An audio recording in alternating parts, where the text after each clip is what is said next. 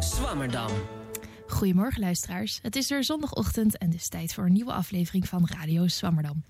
Mijn naam is Aafke Kok en vandaag gaan we het hebben over bijzondere eigenschappen van water en ijs. Als gewone sterveling denk je er misschien niet zo over na. Water is alom aanwezig in ons leven en lijkt daardoor erg normaal. Maar er zijn een hoop wetenschappers die gefascineerd zijn door de bijzondere eigenschappen die water heeft. Als amateurschaatser ervoer ik een van die bijzondere eigenschappen van water deze week op zijn best. In de bittere kou door het prachtige waterland schaatsen op echt natuurijs, dat is toch een van de mooiste en bijzonderste dingen die er zijn. Ook op de Olympische Spelen in Pyeongchang werd er de afgelopen tijd veel geschaatst. IJs is een actueel onderwerp dus. Maar niet alleen in zijn vaste vorm, ook vloeibaar water kent veel bijzondere eigenschappen.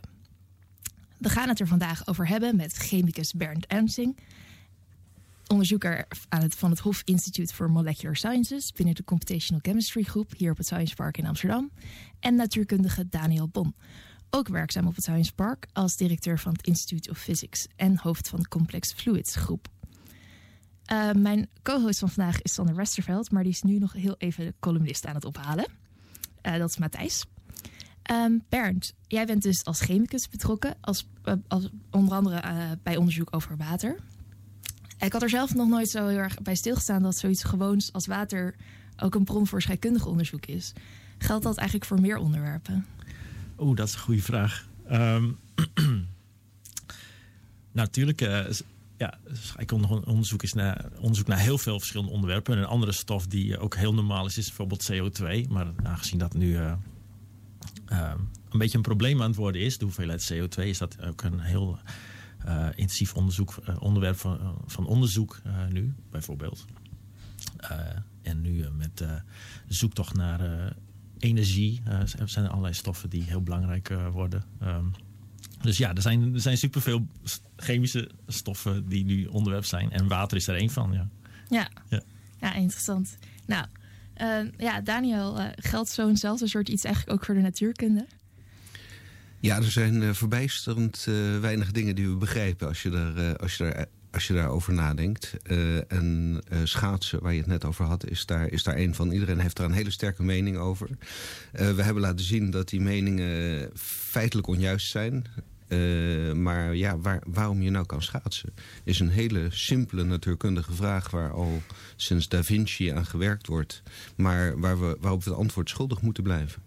Nou, het is toch mooi dat zulke alledaagse dingen eigenlijk ook uh, onderwerp van uh, wetenschap zijn. Um, ja, Daniel, over jouw onderzoek uh, later meer. We gaan het eerst even met Bernd praten.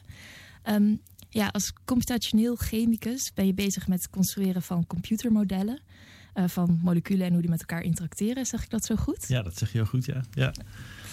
Um, ja, je bent dus niet een klassiek scheikundige zoals wij dat kennen, die experimenten in het lab aan het doen is.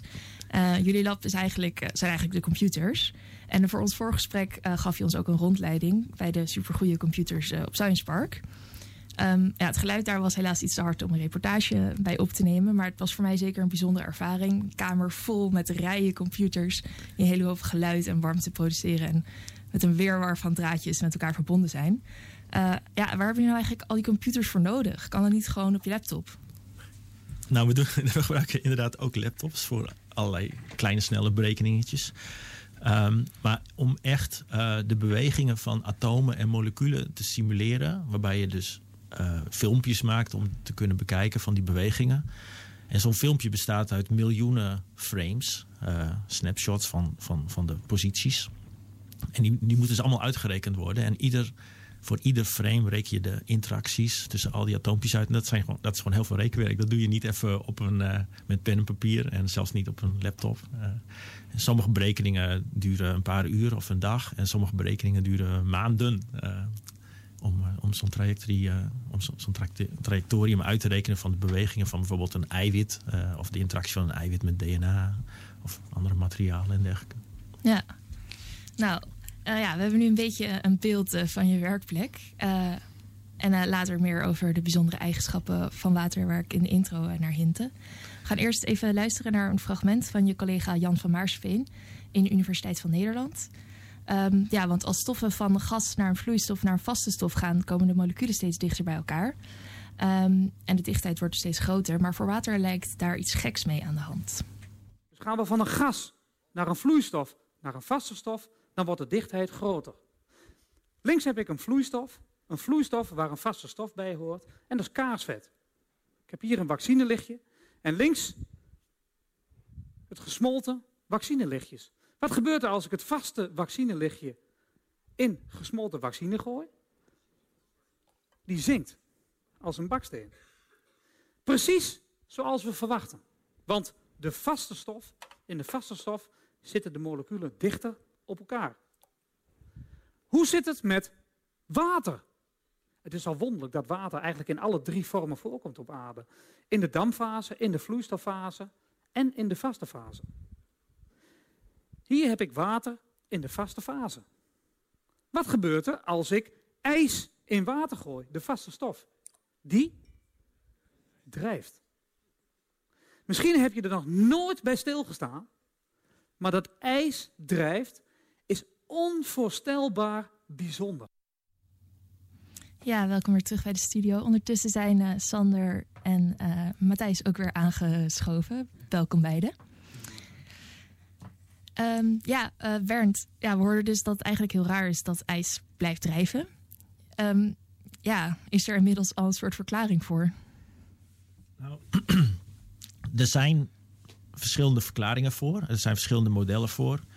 Um, en, um, als je scheikunde studeert, dan leer je uh, wat over die modellen bij vakken als thermodynamica statistische mechanica. En bijvoorbeeld iedereen kent wel het ideale gasmodel. Uh, dat beschrijft gassen. Uh, maar dat beschrijft niet dat een gas, als je het maar genoeg afkoelt en, of samenperst, dat het een vloeistof wordt. Nou, is er een model van onze grote held Van der Waals. Die doet het al iets beter. En dat, die, die beschrijft wel dat op een gegeven moment een, dat er iets geks gebeurt met gas. Dat die moleculen aan elkaar gaan kleven en een vloeistof worden. En dat werkt heel aardig, maar niet voor water. Omdat water zo bijzonder is. En nu zijn er dus betere modellen. Dat zijn verbeteringen van het Van der Waals model. Maar die zijn heel moeilijk om te testen. En um, een van de dingen die ze voorspellen is dat um, water... Um, twee verschillende fasen heeft in de vloeistoffase. We weten allemaal dat water kan in verschillende fasen bestaan. Gas, vloeistof en vast. Sommige mensen weten misschien ook nog wel dat er verschillende vormen van ijs zijn. Hoeveel verschillende vormen zijn er dan? Nou, er zijn, er zijn ik geloof dat de, de counter nu op, op, op 10 of 11 staat. Verschillende soorten ijs. Uh, in de natuur heb je eigenlijk maar één soort ijs, denk ik. Of misschien twee.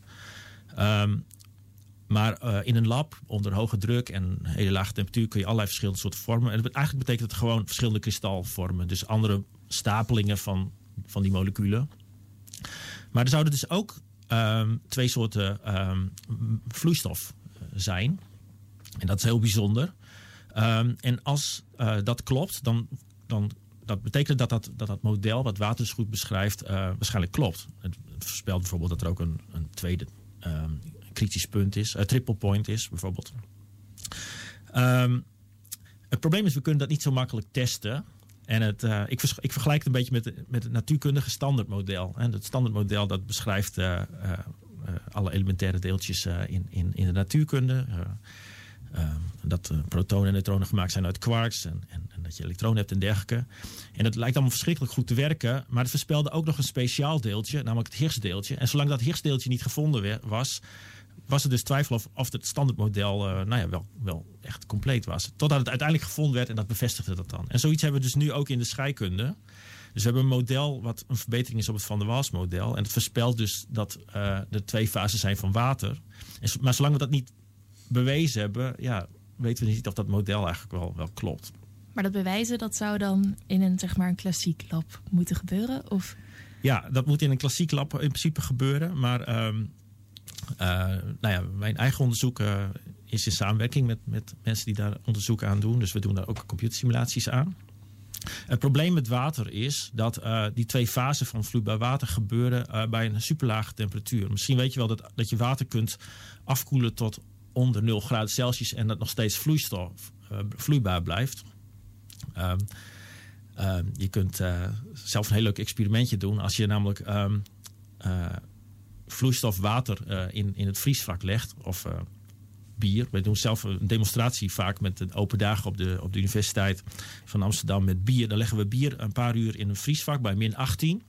En als je het dan uitpakt is het nog steeds vloeibaar. Maar, het is, maar de temperatuur is lager dan 0. Minder dan 0. 0 graden Celsius.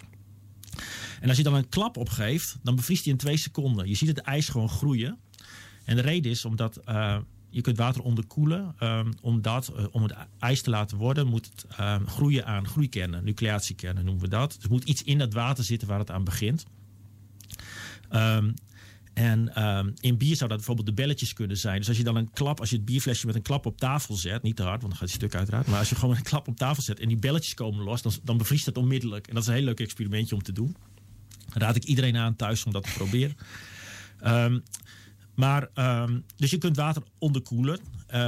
En dat gaat best wel goed. En zeker als je heel zuiver water hebt, kan het zelfs tot meer 40 of meer 45 graden Celsius kun je het onderkoelen. Is het nog steeds vloeibaar. Want het hele zuivere water, dat heeft dus niet een een groeikern, ja, zeg maar. Hij heeft niks om het aan te laten beginnen. Ja, tot meer 40 en dan heeft het zelfs niks meer nodig. En dan, heb je, dan bevriest het alsnog. En nu is het dus zo dat um, die twee fasen, uh, die faseovergang, de, de vloeistof-vloeistof-faseovergang, vindt waarschijnlijk plaats bij minder dan meer 40 graden. Dus je kunt het nooit zien in een lab. Maar misschien wel met computersimulaties. Aha. Dus daar zijn computersimulaties misschien handig bij. Um, dus vandaar ons onderzoek.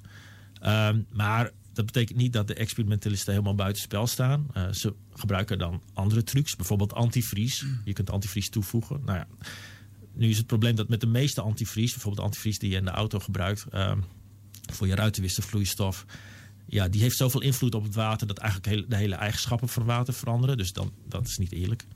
Maar we hebben nu een, een vloeistof gevonden, een, een, een, uh, een zout, een ionic liquid ionische vloeistof die dezelfde uh, eigenschap heeft als water. En het lijkt erop dat we dat dus nu uh, toch kunnen zien. En, um, en dat dat dus eigenlijk dat model uh, bewijst. Ja. ja. Ik, dus, ik even waarom, waarom kan je het nou niet in een experiment laten zien? Je, je kan op zich dingen tot min 280 graden koelen. Ja, om, het wordt ijs. Het wordt gewoon ijs. Dus je koelt het af verder, verder, verder, verder. En op een gegeven moment dan kun je niet meer tegenhouden dat het, uh, dat het een kristalstructuur vormt. En dan heb je ijs gevormd. En dan heb je geen vloeistof-vloeistofovergang meer. Maar als je in je model, in je model kan je dat wel laten zien? Dat ja, op de computer kan alles. maar dan, nee hoor, dat is niet waar. Maar, maar als het in een model kan er niet in een experiment. Dan is het toch, dat is toch raar? Ik snap dat niet. Ja, nou dat komt omdat je namelijk, dat is het leuke van mijn vakgebied vind ik zelf, je kunt een beetje God spelen. je kunt de natuurkundewetten een beetje veranderen. Bijvoorbeeld, ik heb een leuk uh, onderzoek met mijn uh, collega Daniel uh, hier aan tafel. dat gaat over, over um, waarom sommige polymeren heel goed oplossen en andere niet. Terwijl ze heel erg op elkaar lijken. Hm. Pech en pom heet, die twee. En nu hadden we op een gegeven moment als, als hypothese dat um, die polymeren die hebben zuurstofatomen. En dat in de ene polymeer de eigenschappen van die zuurstofatomen toch iets anders zijn dan die andere. Om precies te zijn de lading we denken dat de lading een beetje anders is. Dan kun je in een experiment niet zomaar de lading veranderen op een atoom. Nu kun je met een kwantumchemische berekening wel uitrekenen wat de lading is. En dan zie je inderdaad, ja, de lading is een beetje anders. Maar dat bewijst natuurlijk nog niet dat de eigenschappen daardoor zijn veranderd. Dat het aan die lading ligt die anders is. Maar wat we dus wel kunnen doen in een, of een computersimulatie... is dan van die één de lading van die andere uh, de lading van die andere erop zetten. En kijken of het dan plotseling wel oplost. Mm. En dan bewijs je dus eigenlijk dat het inderdaad dat je model, dat je idee, je hypothese uh, klopt. Dus in het lab heb je gewoon praktische bezwaren dat ja. het niet lukt. Ja. Okay. Ja, dus... ja, daar zou je eventueel nog wat aan kunnen doen door heen naar hele kleine volumes water uh, te gaan. En dat is wat, uh, wat wij samen met onze collega Sander Wouters nu ook aan het uh, mm. proberen zijn. Als je het volume klein genoeg maakt, dan maak je de kans dat er ijs vormt heel klein. Uh, en dan kun je dus uh, hopelijk die vloeistof-vloeistofovergang echt zien in echt water. Wat is heel klein? Uh, heel klein is, dat zijn na nanoporiën in, in, in kwarts. En dat zijn typisch tien, tientallen nanometers. Hm. Dus hoeveel wateratomen, of watermoleculen? Oh, er zitten nog steeds een heleboel watermoleculen ja. in, want het is, het is driedimensionaal. Dus als je 100 bij 100 bij 100 uh, watermoleculen hebt, heb je er nog steeds een miljoen. Ja, oké. Ja. En um, ja, dus nou, naast elf soorten ijs zijn er dus kennelijk twee soorten water. Um, maar hoe link je dat nou aan het, uh, ja, dat, het, het verklaren van dat ijs blijft drijven?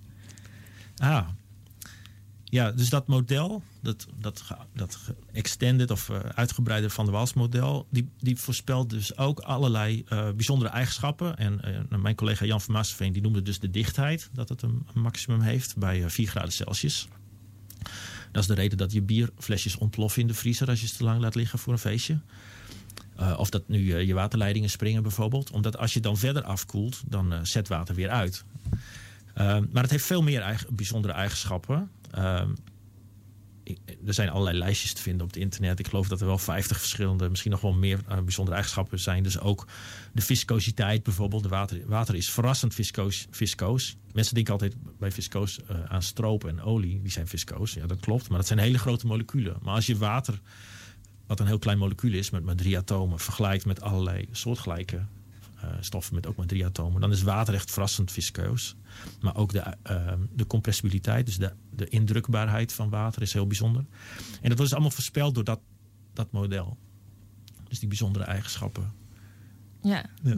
Die, uh, dat wordt verklaard door die twee. Ja, het heeft te maken, ik kan er wel iets meer over zeggen hoor, met het feit dat water bestaat dus uit een zuurstof en twee waterstofjes. En die staan onder een bepaalde hoek van 104,5 graden. Um, en uh, dat zuurstofje wil graag elektronen, is elektronegatief zeggen we. En uh, die trekt dus een beetje lading aan van de waterstofjes. En daardoor interacteert het watermolecuul heel, heel sterk met zijn buren. Um, want de negatieve lading van die zuurstof die trekt dan de positieve lading van de buren, van die waterstofjes aan. En het vormt dus een, een netwerk van watermoleculen die allemaal, elkaar een beetje allemaal een beetje aan elkaar plakken. En nu is het in ijs zo dat die een perfecte ordening hebben. Een tetraedrisch netwerk vormen. En in vloeistof... Tetraedrisch is een soort van piramide. Ja, het is een soort van piramide. Ja. Dus vier richtingen. Um, dus uh, ja, als je een watermolecuul voorstelt met twee waterstofjes naar boven... dan heb je twee watermoleculen aan de bovenkant en twee aan de onderkant in... Oké, okay, dit kan ik niet uitleggen op de, met woorden, dat zou ik moeten tekenen. Maar dus, nou ja, google het even zou ik zeggen. Dan zie je, dan zie je wel een plaatje. Um, dus het is een heel open netwerk eigenlijk. Er is heel veel ruimte, omdat, het, ja, omdat ze allemaal precies op, op de juiste plek moeten zitten.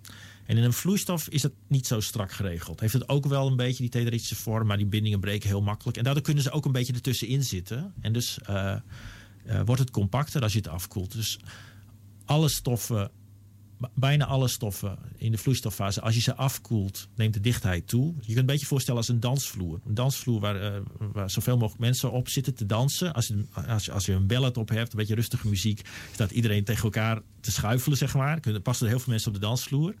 En als het tempo een beetje omhoog gaat, je zet wat rock and roll of uh, nog iets heftigers op. En iedereen begint als een gek rond te zwieren met heel veel energie.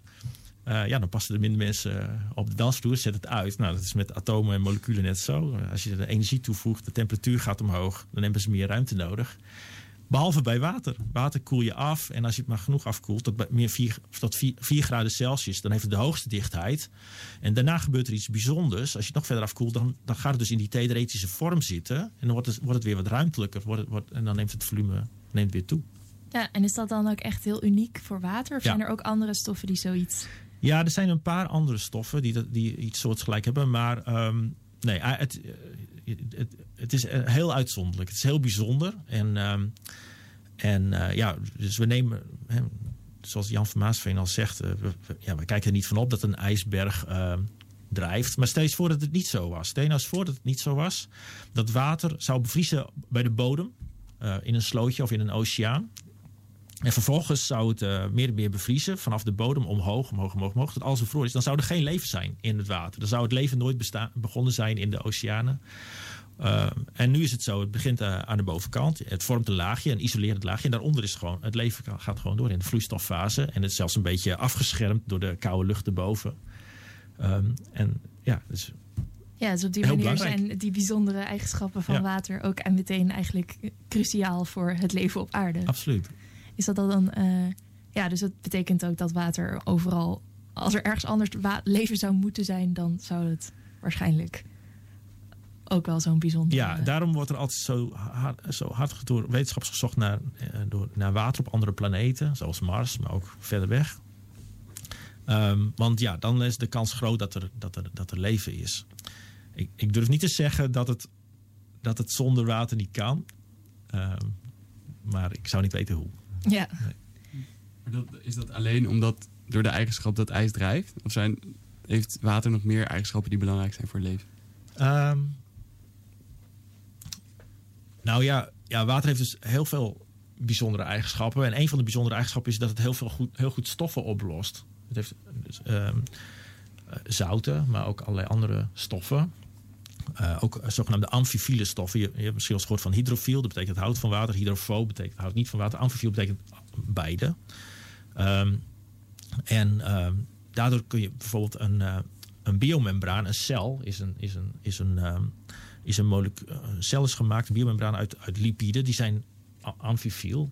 Ze hebben een, een hydrofobe staat en een hydrofiele kop. En die kop die zit graag aan water. En die staarten die gaan dan allemaal naar elkaar toe. En die vormen dan een barrière, een, cel. En daarbinnenin kan dan uh, nou ja, uh, iets afgeschermd gebeuren. Allerlei chemische reacties. Hè. Dus zo is waarschijnlijk, nee waarschijnlijk, maar zo, zo moet leven ongeveer ontstaan zijn, zeg maar. Um, dat is omdat, ja, omdat water dus die bijzondere eigenschap heeft dat het heel goed stoffen oplost. Um, en daar zijn er allerlei andere stoffen die ook wel aardig uh, stoffen oplossen. Maar het is juist die combinatie van al die uh, eigenschappen die water zo bijzonder maakt. Het, het geleidt heel goed warmte. als je een heel klein beetje zuur toevoegt of een heel klein beetje basis maakt. Dus je hebt iets te veel protonen of iets te weinig protonen. Dan geleidt het heel goed elektriciteit bijvoorbeeld. Nou, zoals ik al zei, er zijn het is een hele lange lijst van bijzondere eigenschappen. Het is die combinatie, denk ik, die het, die het doet voor voor het leven ook. Ja, en um, ja, als je, uh, ken je misschien nog wel van je uh, oude scheikundeboek, in het periodiek systeem kijkt, dan zijn er wel stoffen die in principe vrij veel op water zouden moeten lijken. Ja. Die zeg maar in dezelfde kolom staan. Ja. Um, maar die lijken dan toch niet zo heel erg op water, had ik begrepen. Nee, nee dat klopt. Nou ja, als je dus inderdaad in de zuurstof staat op de tweede rij. En als je daaronder kijkt, staat er zwavel. En er bestaat inderdaad uh, zoiets als S. Dus in plaats van H2O, H2S. Ehm, nou, nu weten we dat eh, als moleculen zwaarder worden, dan ehm, neemt, het, eh, neemt het kookpunt af en het smeltpunt ook. Dus je zou verwachten dat het een vloeistof is. Is niet zo. H2S is een gas. Iedereen heeft wel eens geroken. Het stinkt naar rotte eieren. Ehm, en eh, de, de volgende daaronder. Ik denk dat het. dat zou ik moeten weten als scheikundige. val ik toch een beetje door de mand. Volgens mij is het H2 SE, selenium. En daaronder staat tellurium, denk ik. Op zondag mag dat ook wel. Oké. Nou ja, misschien even, nakijken. even naar kijken. Maar eh, dat zijn allemaal gassen.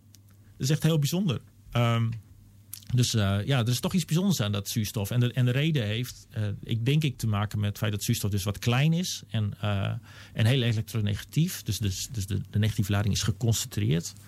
Uh, en maakt daardoor hele sterke zogenaamde waterstofbindingen. Het maakt sterke bindingen, interacties met die positieve waterstofjes.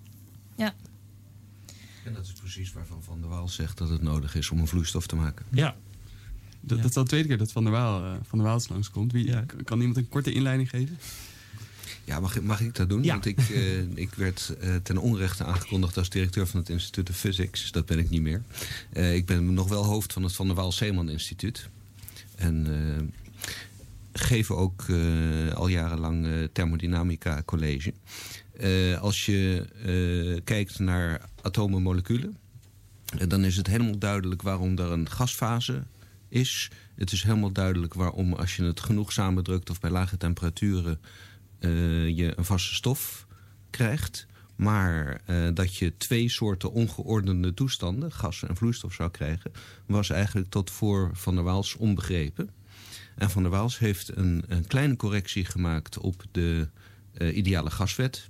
Kennen we hopelijk allemaal nog van de, van de middelbare school. Waarbij die een term meeneemt uh, van een kleine aantrekking tussen de moleculen. En dat zijn de Van der Waalse interacties, die je ook op de middelbare school hebt gehad, waarschijnlijk. Mini-zwaartekracht op uh, moleculair niveau. Precies, ja. precies. Dat zijn elektronenwolken die elkaar deformeren en daardoor aantrekken. Um, en als je die aantrekking meeneemt, dan krijg je ineens een gecondenseerde gastoestand. En dat is een vloeistof. En uh, ja, uh, even een, een, klein beetje historie. Hoe, hoe, lang geleden heeft deze man dit ongeveer bedacht? Dat was een uh, proefschrift. En als ik het goed heb, is een proefschrift in 1893 verschenen. Kijk eens aan. En daar zijn we nu met onze fancy computers nog steeds aan, aan het rekenen. De Nobelprijs ervoor gekregen heeft in 1908. Ja. ja. Werkte hij aan de UvA? Ja, dus het Van der Waals Zeeman Instituut is een samenvoeging van het oude Van der Waals Laboratorium. Hm. Wat hij heeft opgezet? Wat hij heeft opgezet met geld van de gemeente Amsterdam. Hm. Dus dat zijn die, die oude gebouwen aan, aan de Routerstraat en de plantage Muidergracht. Hm. Ja, um, Bernd, ehm, ja, nog even als uh, een bijna laatste vraag alweer. Um, ik kan me voorstellen dat het uh, superleuk kan zijn om die computermodellen te maken. Omdat je dus, uh, nou ja, allerlei dingen kan uitzetten of aanzetten die in het echte leven niet kunnen. Maar ik kan me ook voorstellen dat het een beetje frustrerend kan zijn dat andere mensen je misschien wat minder geloven. Want het zit alleen maar in een computer. hoe, hoe ervaar je dat? um, Nou, nee, dat, eh, daar heb ik weinig last van. Uh, althans, ja, soms als je wat probeert te publiceren... je ziet de referee rapporten, dan, ja, dan wordt er inderdaad wel eens gezegd van... nou, laat het eens maar zien in een lab... Uh, voordat we dit geloven. Um, ja, en mijn, mijn vrouw zegt het altijd gekscherend... dat you make stuff up. Dat is wat ik doe voor... ik, ik verzin dingen. Zeg dat is mijn, mijn werk. Uh, maar um, ik moet zeggen, um, ik, wil, ik wil eigenlijk wel een klein pleidooi houden voor, voor, natuur, voor scheikunde in het algemeen. Um, als het mag. Jazeker. ik denk dat niet alleen computational chemistry of theoretische chemie, maar zelfs hele chemie af en toe wel een, nou ja, een beetje uh, nou ja, niet zo positief uh, wordt, wordt gezien als uh, zou moeten. Wat ik daarmee bedoel is het volgende. Dus wat, mijn, mijn vakgebied is heel multidisciplinair. We hebben veel natuurkundigen en scheikundigen in de groep, maar zelfs mensen met een achtergrond met wiskunde en, eh, en, en, en, um, en informatica. En iedereen snapt wel in het digitale tijdperk dat informatica super interessant en hot is. En uh, natuurkunde zit het ook wel snor met, uh, met pioniers of met ja. Uh, grote namen als eh, Robert Dijkgraaf natuurlijk, die het echt fantastisch verkoopt. En iedereen snapt hoe spannend het Higgsdeeltje is en zwarte materie en dergelijke. Um, maar chemie. En mijn, mijn, weer mijn vrouw zei laatst. Um, uh, het smaakt een beetje chemisch. Volgens mij zitten er chemische stoffen in. En, en, ik, en ik zei, ja, lekker hè? Ja, water bijvoorbeeld zit erin. Nou, dat had ik het toch niet helemaal goed begrepen. Uh, ze bedoelde echt iets negatiefs. Um, en chemie heeft vaak een negatieve klank. Mensen denken aan chemische industrie, chemie, chemische vervuiling. Um, en dat is toch heel jammer, omdat ik denk dat scheikunde echt super belangrijk is in onze maatschappij. En heeft te maken met ongeveer alles om je heen. En dus de kleding die je draagt en, en, en uh, de verf waarmee het geverfd is, maar ook de cosmetica, de farmacochemie. Uh, uh, maar uh, uiteraard de levensmiddelen. dus de analyse van of wat er, wat er, welke ingrediënten zitten er eigenlijk in je eten. Dus zit, zitten er geen rare stofjes in. Dat is allemaal scheikunde. Um, ook bijzondere materialen zoals composieten waar tegenwoordig auto's van gemaakt zijn. En vliegtuigen. Die zijn sterker dan staal en, en lichter dan aluminium. En dat, dat is allemaal scheikunde. Dus, en ik denk ook dat scheikunde ontzettend de toekomst heeft. Um, hè, we staan voor een paar uh, nou ja, hele grote problemen in deze wereld. Met de, de voedselvoorziening bijvoorbeeld. Uh, de, het energieprobleem.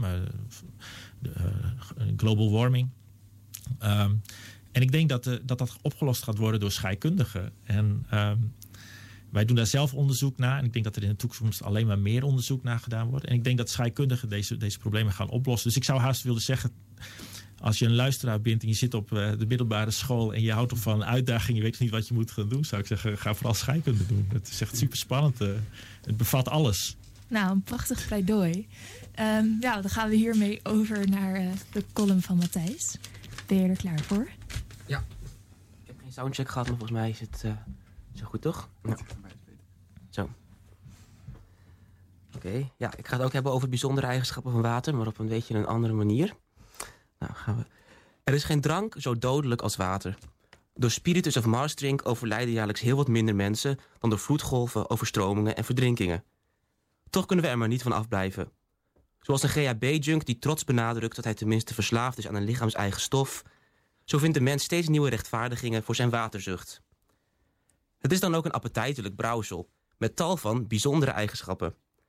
Deskundigen tonen het keer op keer aan in moeilijke experimenten met wiggelroeders, pipetten en computermodellen. Maar het kan een stuk makkelijker. Wie de wonderen van het water wil aanschouwen, heeft al genoeg aan een treinkaartje naar Heilo. Daar bevindt zich namelijk de Willy Brodersput. In de 8e eeuw door de gelijknamige heilige uit de grond geramd... toen de heidenen in de plaatselijke horeca weigerden gratis kraanwater te serveren. Sindsdien gebruiken omwonenden de bron niet alleen ter bestrijding van dorst... maar ook van jicht, schizofrenie en kanker. Willy Brod deed goede zaken. Hij exporteerde niet alleen een geneeskrachtige put... maar ook een botaandoening, het zogenaamde gebrek van Sint Willibrord. Van alle kwaaltjes die in middeleeuws Heilo de rond deden... was Willibrods ziekte toevallig het meest geschikt om het Willibrods water te genezen. Hij mocht dan wel stemmen horen, als marketeer was deze heilige niet gek. Hij begreep dat je eerst de vraag en dan pas het aanbod moet creëren. Met dit marktinzicht is de kerk groot geworden. Eeuwenlang heeft het Vaticaan spottend toegekeken hoe ondermaanse bedrijven probeerden om net zoveel Franse teksten en chemische tabellen op een petflesje te proppen, tot de klant bereid zou zijn om het duizendvoudige te betalen voor het leidingwater dat ze, leidingwater dat ze erin stopten. De kerk had de code al lang gekraakt. Alles wat je nodig hebt om de consumentenbond om de mond te snoeren, is een priester met een playborstel en het dogma van de rebranding. Het resultaat is wijwater. Lijkt gewoon water, maar is vele malen krachtiger, net zoals bijvoorbeeld zoutzuur. Wijwater is de kurk waar de kerk op drijft. Katholieken lusten er wel pap van. Nooit komen ze dichter bij de oerwateren van Genesis dan wanneer ze hun handen door de verkalkte troggen laten glijden waarin de heilige cocktail wordt opgediend. Dagen oud, stilstaand en verrijkt met een waaier aan schimmels en huidschilfers. Van alle wonderlijke kenmerken die aan de vloeistof worden toegedicht, staat er maar één buiten discussie. Dat mensen niet veel vaker ziek worden nadat ze hun vingers in deze schiftende kelken laten wellen. Onderzoek wijst uit dat zo'n 90% van de doopfonten en wijwatervaten in de eerste plaats is gezegend met extreem hoge gehalte poepbacteriën. Hierover schrijft zelfs Trouw, de enige christelijke krant met een website die ik deze zondagmorgen kon raadplegen. Het zal wel liggen aan de protestanten in de redactie. Die zijn hun eigen wijwaterrecept al sinds de beeldenstorm kwijt. Overigens maken moslims het nog bonter. Bij hen is smerig water niet alleen een rituele accessoire, maar moet je je er ook mee wassen. Voeten, mond, neus, alles door elkaar en zonder zeep. Eén keer heb ik eraan mee moeten doen in een Algerijnse moskee. Liturgisch gezien was ik rein, maar ik heb me zelden zo vies gevoeld. Misschien is het te veel gevraagd van één God om ervoor te zorgen dat de waterhuishouding niet alleen heilig en wonderbaarlijk is, maar ook nog eens hygiënisch. De Hindoes pakken dit met hun duizenden goden beter aan. Zo kan men zich tenminste specialiseren. Een Ganga ontfermt zich bijvoorbeeld over de Ganges, een heilige rivier van 2.500 kilometer lang. Willy Brod mag van geluk spreken dat goden in zijn tijd nog op lokaal niveau opereerden. Anders had hij wel in kunnen pakken met zijn homeopathische pierenbadjes. Toch heeft een efficiënte arbeidsdeling niet kunnen voorkomen dat de Ganges is verworden tot een chocomelstroom vol zware metalen en dode honden. Het is tegenwoordig nog gezonder om er gecremeerd te worden dan om er te baden. Blijkbaar is het geen probleem om industrieel afval te lozen in je heilige rivier, zolang je maar geen heilige biefstukken eet. Ook in Europa staat God er niet altijd alleen voor. Maria draagt haar steentje bij op het gebied van wonderen. Waterwonderen lijken wel de specialiteit van de Lady in Blue. Als ze zich eens laat zien, dan bij voorkeur aan een schizofreen herderinnetje in een vochtige grot. Als klap op de vuurpijl ontspringt stevast een bron. Nooit een klaterende fontein met miswijn uit een goed jaar, maar altijd een loerdesachtig druipsteenhol. Het is hetzelfde verhaal in het Letse bedevaartsoord Aglona, een soort kerkelijk Sochi. Voor het bliksembezoek van de paus in 1993 werd het complex met ducttape en piepschuim gereconstrueerd. Sindsdien houdt niemand het verval nog tegen. Toen ik er was, zag ik het geaderde schilderwerk van de zuilen in de basiliek afbladderen. Het marmer was dus nep. Of het heilzame water uit de bron dat ook was, viel minder makkelijk vast te stellen, zonder lepra-leider in de buurt.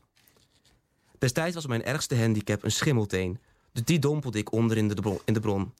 Ernaast hing een plakkaat waarop de Universiteit van Vilnius op basis van laboratoriumonderzoek de geneeskrachtige werking van het water bevestigt. Zo is het wonder geen kwestie meer van geloof, maar van wetenschap. Het is de vraag wie door deze verklaring de meeste autoriteit verliest. Maria of de onderzoekers uit Vilnius. Mijn schimmelteen maakt het in ieder geval niks uit. Die is nog steeds niet genezen. Nou, dankjewel Matthijs. Een bijzondere kijk op de bijzondere eigenschappen van water. Um, ja, voor de luisteraars die nu inschakelen, we zitten hier aan tafel met chemicus Bernd Ensing, die we net gesproken hebben, en natuurkundige Daniel Bom. Over dus de, de bijzondere eigenschappen van water en ijs. Uh, later vanmiddag kunt u de hele uitzending terugluisteren als podcast. Bezoek daarvoor onze website www.radioswammerdam.nl. Uh, ja, dan gaan we nu verder met Daniel Bom. Um, ja, ik had het dus al even over schaatsen aan het begin van de uitzending. En dat stipte je zelf ook al aan. Nou, het schijnt dus een interessant onderwerp te zijn voor natuurkundigen. Hoe komt dat? Uh, frictie is sowieso een ontzettend fascinerend onderwerp voor natuurkundigen. Uh, als ik me even aan mag sluiten bij Bernds pleidooi... Uh, wordt er gezegd dat 30% van de wereldenergieconsumptie opgaat aan frictie. Dat, is een, dat is een heel hoog getal, maar als je bedenkt dat we niet kunnen rijden, fietsen, wandelen, et cetera, zonder frictie, dan krijg je een gevoel voor hoe belangrijk die frictie eigenlijk is. En frictie begrijpen we niet heel goed. En een van de frictieproblemen die we niet begrijpen is waarom je op ijs kan schaatsen. Nou, ik ben daar geheel toevallig in terechtgekomen. Uh, mijn broertje is ook hoogleraar in, uh, in Duitsland. En die doet allerlei uh, spectroscopische, dus onderzoeken met licht... aan het oppervlak van water en ijs. En zijn dochter, mijn nichtje Noah, vroeg hem... is het oppervlak van ijs nu nat? En hij is naar zijn laboratorium gegaan en heeft daar voor vele miljoenen apparatuur... En concludeerde dat ja, het oppervlak van ijs is nat... Uh, de eerste twee lagen water smelten bij min 70 ongeveer. En de tweede twee lagen smelten ongeveer bij min 20. Nou, iedereen weet, of vindt in ieder geval... dat je kunt schaatsen op ijs omdat er een klein laagje water op ligt. En dat dat je scha schaats zeg maar smeert. En wij dachten dus van, goh, wat een leuk experiment zou dat zijn... als je dan over dat hele temperatuurgebied met een schaats over het ijs kon gaan... en kijken of er iets gebeurt bij min 70 en bij min 20. Uh, dat was een, voor ons een heel makkelijk experiment... omdat we uh, de, de, de opstelling, de meetopstelling voor frictie al hadden. En het enige wat we dus moesten doen was uh, ijs maken... en de temperatuur van het ijs controleren. Uh, en tot onze grote verbazing gebeurt er helemaal niets bij min 70 en gebeurt er helemaal niets bij min 20. Hm. Um, Wat bedoel je met er niets gebeurt? Dat, er, dat het niet anders is dan bij... Nee, dus er is een temperatuurafhankelijkheid van wat wij de frictiecoëfficiënt noemen. En de frictiecoëfficiënt is gewoon hoe moeilijk is het om uh, over dat ijs te schaatsen. Um, maar er zit er geen, uh, er, er gebeurt niks. Dat is een continue functie. Er gebeurt helemaal niks geks als die eerste bilaag uh, water op het ijs verschijnt. En ook niet als die tweede dubbellaag uh, water daarop verschijnt. Dus het is hetzelfde als, hier op de gracht was het hetzelfde als bij min 70 in jullie lab? Ja, dus de, er, is, er is wel een hele sterke temperatuurafhankelijkheid. Dus het wordt, als je naar hele lage temperatuur gaat, wordt het wel moeilijker om te schaatsen. Um, en de verklaring die wij daarvoor bedacht hebben, samen met een, een, heleboel, een heleboel collega's, uh, is uh, waarom zou een laagje vloeibaar water uh, je schaats smeren? Dus als ik water op de keukenvloer leg, dan wordt die keukenvloer misschien een beetje glad, maar in ieder geval kan ik er niet op schaatsen. Um, dus waarom, waarom is dat laagje water nodig? Het tweede experiment waar we over nagedacht hebben... is het beroemde experiment van Faraday.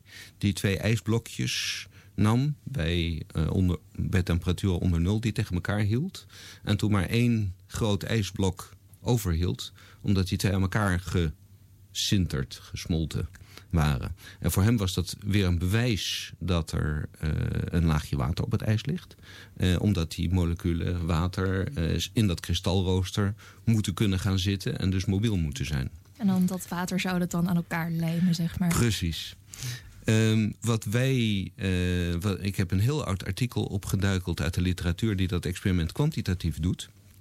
En die vinden dat het geen laagje vloeibaar water is, maar een laagje uh, een soort gasvormig uh, water wat heel mobiel is. En de, de, de dynamiek van het samensmelten van die, van die ijskristallen wordt daar kwantitatief mee beschreven. en ons, onze, onze interpretatie van het schaatsen is dus niet je legt, een laagje water op die keukenvloer, maar je legt een laagje hele mobiele uh, moleculen. Dus stel je voor dat je kogellagertjes op de keukenvloer legt. Die heel makkelijk rollen. En dan wordt die keukenvloer inderdaad wel, wel ineens heel glad. Ja, over de moleculaire samenstelling van ijs had zelfs de ijsmeester van Tialf het. Um, dus laten we heel even luisteren naar een korte fragment. Snap jij dat er gisteren zoveel te doen was om de kwaliteit van het ijs? Ja, zeker wel. Was het ook slecht? Nou, slecht is een groot woord, maar het was uh, niet Tialfwaardig. Hoe kan dat dan? Nou, uh, het is een heel technisch verhaal. Uh, of het is goed of het is gewoon slecht. Dat is de simpele versie. De ingewikkelde versie is er een met de steekwoorden parameters, kantelpunten, moleculaire samenstelling en smalle bandbreedtes. In begrijpelijk Nederlands, het is moeilijk om precies uit te mikken wanneer de ijslaag de beste kwaliteit krijgt. Ja, en die moleculaire samenstelling, dat zou dan dus eigenlijk die kogellagertjes zijn.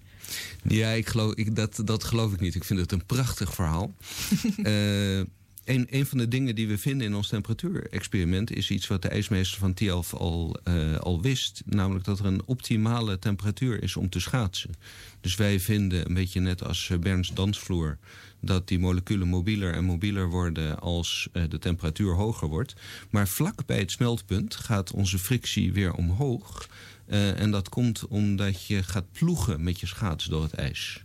En dat is natuurlijk de reden waarom je een, een, een, een spoor achterlaat als je, als je schaatst. En dat ijs wordt, als je vlak bij het smeltpunt zit, wordt het weer zachter. En dan, uh, dan wordt het dus weer moeilijker om te schaatsen. En de ijsmeester van Tialf houdt het ijs dus op min 7. En we vinden in onze experimenten... vinden we eigenlijk iets wat heel erg dicht in de buurt zit uh, van min 7. Dat is wel grappig. Dus wat hij eigenlijk al misschien heel lang wist, hebben jullie nu bevestigd. Ja, dus er zijn hele oude experimenten, hele mooie experimenten van een bewegingswetenschapper aan de VU. Uh, die schaatsen had uitgerust met allerlei voelertjes. En uh, ook, ook iets soortgelijks had gemeten, maar met een heleboel ruis... omdat het gewoon een ongelooflijk veel ingewikkelder experiment is. En ik denk dat uh, de ijsmeester van Tialf daaruit geconcludeerd heeft... dat min 7 de optimale temperatuur is. Maar als je nadenkt over frictie, is de temperatuur dus belangrijk... maar ook hoeveel, hoe, hoe het ijs zich vormt. Dus als je een ijsblokje maakt in de vriezer... dan krijg je niet maar één kristal. Een ijsblokje is nooit helemaal transparant. En dat zou het moeten zijn als het, uh, uh, als het echt een één kristal is. En je krijgt dus een heleboel kleine kristalletjes. Die zitten aan elkaar. Uh, en dat, dat maakt dat je niet altijd de eigenschappen hebt van een bepaalde laag ijs. Maar dat je ook een, een invloed zou kunnen hebben van hoe dat ijs is bevroren. Ik denk dat dat is wat de ijsmeester van Tialf heeft bedoeld. Overigens hebben we onze schaatsexperimenten ook aan perfecte kristallen gedaan. En vinden eigenlijk niet iets heel anders. Ja, dat is dus geen tip voor de ijsmeester geen van tip, Ik heb helaas geen tips voor de ijsmeester. Ja, um, ja, je had het net al even over dat, dus dat frictieonderzoek eigenlijk in meerdere uh, dingen belangrijk is. Um, zo hebben jullie ook onderzoek gedaan naar de piramides in Egypte. Um, want daar komt ook water bij kijken. Kan je daar iets over vertellen? Ja, dat is een, fascinerende wandtekening... Uh, die gevonden is in het graf van een lokale farao... die Jehuti Hotep heette. En daar staat op afgebeeld hoe een uh, 60 ton wegend beeld van Jehuti Hotep door de woestijn wordt gesleept. En het gekke is dat er een meneer voor op de slee staat... waar dat beeld uh, mee gesleept wordt... die water op het zand giet. En er was dus een, een grote discussie tussen Egyptologen en archeologen... waarom dat nou zo zou zijn. Maar niemand had ooit het natuurkunde-experiment gedaan. En wij hebben dus een heel suf experiment gebouwd met een sleetje... met een gewicht erop, waarbij we de kracht konden meten... met verschillende hoeveelheden water. En wat je vindt is dat natuurlijk dat water helpt. En dat weet iedereen. Want als je over het uh, strand loopt... dan loop je nooit over het natte stuk. Want dan ga je ploegen, hetzelfde als schaatsen. Dan ga je een heleboel zand verplaatsen om jezelf te kunnen verplaatsen. Precies, ja. precies. Maar dat is dus precies hetzelfde als dat ploegen van je schaats door het, uh, door het ijs. Je gaat niet over het, op het hele natte stuk, want dan wordt het ook weer uh, heel ingewikkeld. Maar er is ergens een stukje dat, dat het zand lekker hard is. Uh, en waar je dus makkelijk over kan lopen. En waar die Egyptenaren dus ook heel makkelijk dat beeld over kunnen, kunnen glijden. En onze berekeningen en experimenten laten zien dat je ongeveer de helft van de werkers kan besparen met het toevoegen van een klein beetje water. En hoe, hoe zit dat dan eh, als we het zeg maar op wat kleinere schaal bekijken met die zandkorrels en die water en dat water? Gaan die een soort interactie met elkaar aan? Of Ja, dat is een hele simpele interactie. Je maakt eh, waterbruggetjes die die zandkorrels aan elkaar laten kleven. En je moet echt die bruggetjes hebben. Dus het is een kwestie van de oppervlaktespanning van water. eh, om eh, dat goed te doen. En dat weet je ook als je ooit een zandkasteel hebt gebouwd. Je kunt geen zandkasteel bouwen van droog zand. Want dan krijg je een soort eh, konische piramide. Eh, Ook mooi. ook mooi. Als je de juiste hoeveelheid water, en dat is maar een paar procent, toevoegt... dan krijg je dus die bruggetjes die heel sterk zijn... en die maken dat je een mooi zandkasteel kan maken. Maar op het moment dat, je, dat de vloed opkomt... eh, dan eh, krijg je te veel water en dan stort dat hele zandkasteel weer in elkaar. En dat is inderdaad omdat je die hele kleine bruggetjes tussen die korreltjes nodig hebt. Want als je die gewoon opvult met water... dan verdwijnt het effect van de oppervlaktespanning van water. dan zijn die bruggetjes eigenlijk weer te groot? Of, Ja. ja. Hoe, klein- hoe kleiner de bruggetjes, hoe sterker. Die, die oppervlaktespanning is overigens weer een van die ehm, nou, 50 of 60 bijzondere eigenschappen van water. Bijna geen één vloeistof heeft dat zo sterk als water. Misschien ehm, eh, kwik heeft het. Maar water vormt dus echt bolletjes. Bijvoorbeeld als je een heel hydrofoob oppervlak hebt. Op sommige, bijvoorbeeld als je een bananenplant hebt. Op het blad liggen soms van die bolletjes water. Dat is omdat de oppervlaktespanning zo sterk is dat het zelfs helemaal krom trekt. En eh, dat is ook de reden dat bijvoorbeeld ehm schaatsenrijders, bedoel ik niet mensen die schaatsrijden, maar de insecten, eh, kunnen over water lopen. En dat is omdat de oppervlaktespanning zo sterk is. En nou ja, als je nog thuis experimentjes wilt doen, het is, als je, dus een, je kunt een glas hoger vullen dan het glas eh, hoog is. Ehm, en dus als je maar water heel voorzichtig blijft toevoegen, dan staat er, heb je uiteindelijk een bolle meniscus. En het stroomt niet over. Je kunt zelfs een paperclip opzetten. Als je hem goed vouwt en je zet heel voorzichtig een paperclip. Terwijl paperclip natuurlijk veel zwaarder is dan water. Maar die Zelfs een muntje, een muntje van 1 yen. Als je die Ah, ergens vandaan kan halen, kun Ja, je, kun je laten drijven. Ja. En die, eh, die oppervlaktespanning is dan dus eigenlijk onwaarschijnlijk groot... Ja. voor wat je misschien niet helemaal niet zou verwachten bij zo'n En dat is weer vanwege de sterke interactie tussen die moleculen, die waterstofbindingen. Dus iets wat gebeurt op eh, nou ja, moleculaire schaal, 10 tot de macht min 10 eh, meter. Dat, dat kun je gewoon macroscopisch, dat kun je gewoon zien op, op, de, op de schaal van een glas water. Ja, Heel bijzonder. nou, en eh, gelijk dus ook een verklaring voor het bouwen van... eh, of nou, het verslepen van beelden door eh, de woestijn in Egypte. Ik voel me nog af, want dan... Dat, het was dan dat stel ik me zo voor dat dat midden in de woestijn is. En daar is natuurlijk niet heel veel water voorhanden, denk ik zo. Dus is het niet ook Ja, heel veel werk is- om altijd dat is water leuke, te Dat is het leuke van dit onderzoek. Iedereen heeft, heeft hier een mening over. Ja. We, hebben, we hebben duizenden reacties gehad op, eh, op deze... eh, op, op, dit, eh, op dit artikel. Er was zelfs een, een, een Facebookpagina opgericht door, door iemand met meer dan een miljoen likes... die het alleen maar had over ons onderzoek en alle voor's en tegens. Ehm, antwoord op jouw vraag, jouw specifieke vraag... is dat het waarschijnlijk alleen maar eh, rendabel is dicht bij de Nijl. Hm. En je ziet ook op, de, op de graftekening dat er waterdragers zijn. Dus ze, ze, ze komen echt met water aanlopen om dat aan die meneer voor op die slee Hm. te geven. Ja. Wat, ik ben wel benieuwd naar die Facebookpagina. Wat, wat wordt daar hoofdzakelijk besproken?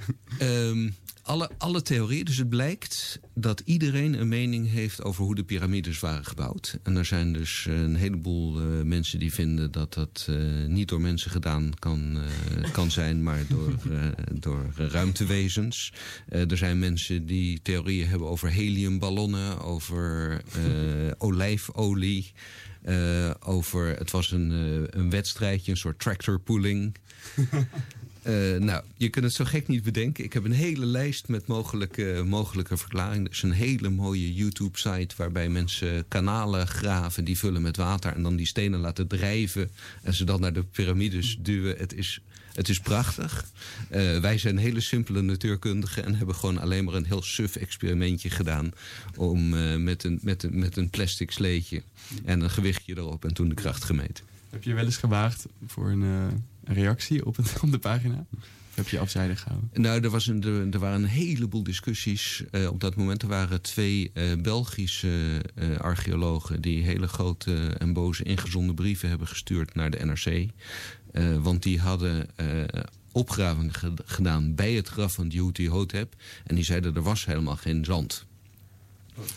Uh, nou, we hebben zelfs de moeite genomen om samen met onze bodemwetenschappers uh, een reconstructie te maken van wat de bodem uh, daar geweest zou zijn. En wonder boven wonder, als je water toevoegt, glijdt het makkelijker. Nou, kijk aan.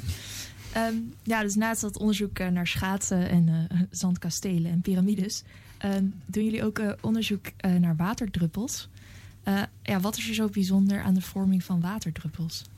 Nou, ten eerste is het ontzettend mooi. Uh, dus wat, wat we doen is kijken met een, uh, een camera die typisch 20 of 30.000 beelden per seconde maakt... naar een druppelende kraan. Dat is, het enige, is het enige wat we doen. Maar je oog maakt maar 16 beelden per seconde. En je kunt dus allerlei dingen zien met die camera... die je met het blote oog niet kan waarnemen. En als je kijkt naar het opbreken van een waterdruppel... Uh, dan heb je een druppel en die is verbonden met een hele lange nek met uh, het water uit de kraan. En die nek die maakt dan een, een hele uh, scherpe hoek op het moment dat die druppel daarvan afbreekt. En die dynamica is een heel leuk probleem in de hydrodynamica. Want de, de, de wiskundige vergelijkingen die wij voor stroming gebruiken... die werken niet meer. Die voorspellen dat die die vloeistofnek, noemen we dat, dunner wordt en dan een molecuul wordt en een half molecuul en een kwart molecuul en een achtste molecuul. En dat kan natuurlijk helemaal niet. En dus, dus gaat er iets mis. En er is dus een heel uh, onderzoeksveld in de uh, toegepaste uh, wiskunde, maar ook in de, in in de natuurkunde. die, die onderzoekt van wat, wat gebeurt er dan wel en hoe kunnen we kwantitatief begrijpen wat daar precies gebeurt. En uh, dat, dat lijkt weer een heel leuk spelletje voor in het lab. Maar is ook vreselijk belangrijk voor allerlei toepassingen... Uh, zoals het sproeien van pesticiden op planten of inkjetprinting. Uh, we doen ontzettend veel coatingachtige dingen met druppels. En dus moet je precies begrijpen hoe druppels zich vormen... en wat de druppelgrootte verdeling bijvoorbeeld in een spray is. Want hoe, hoe draagt jullie onderzoek bij aan kennis over het sproeien van insecticiden? Um, op het moment dat je begrijpt hoe een druppel afbreekt... kun je misschien iets toevoegen wat die dynamica verandert. En dat is precies uh, wat wij doen. Ik ben betrokken bij een, uh, een kleine start-up. En die maakt een product en dat gooien boeren in hun uh, sproeitank... op het moment dat ze pesticiden gaan sproeien. En dat, uh, die toevoeging zorgt ervoor dat er veel minder kleine druppels ontstaan. Um, en dat is heel belangrijk voor de oppervlaktewatervervuiling. Maar het zorgt er ook voor dat uh, de druppels die gesproeid zijn... beter op de plantenbladeren blijven zitten. Bernd had het net over het bananenblad. Uh, plantenbladeren zijn over het algemeen waterafstotend. En je moet dus iets toevoegen om te zorgen dat die pesticiden echt op die plantenbladeren blijven zitten. En niet in de bodem vallen waar ze dan weer in het grondwater komen.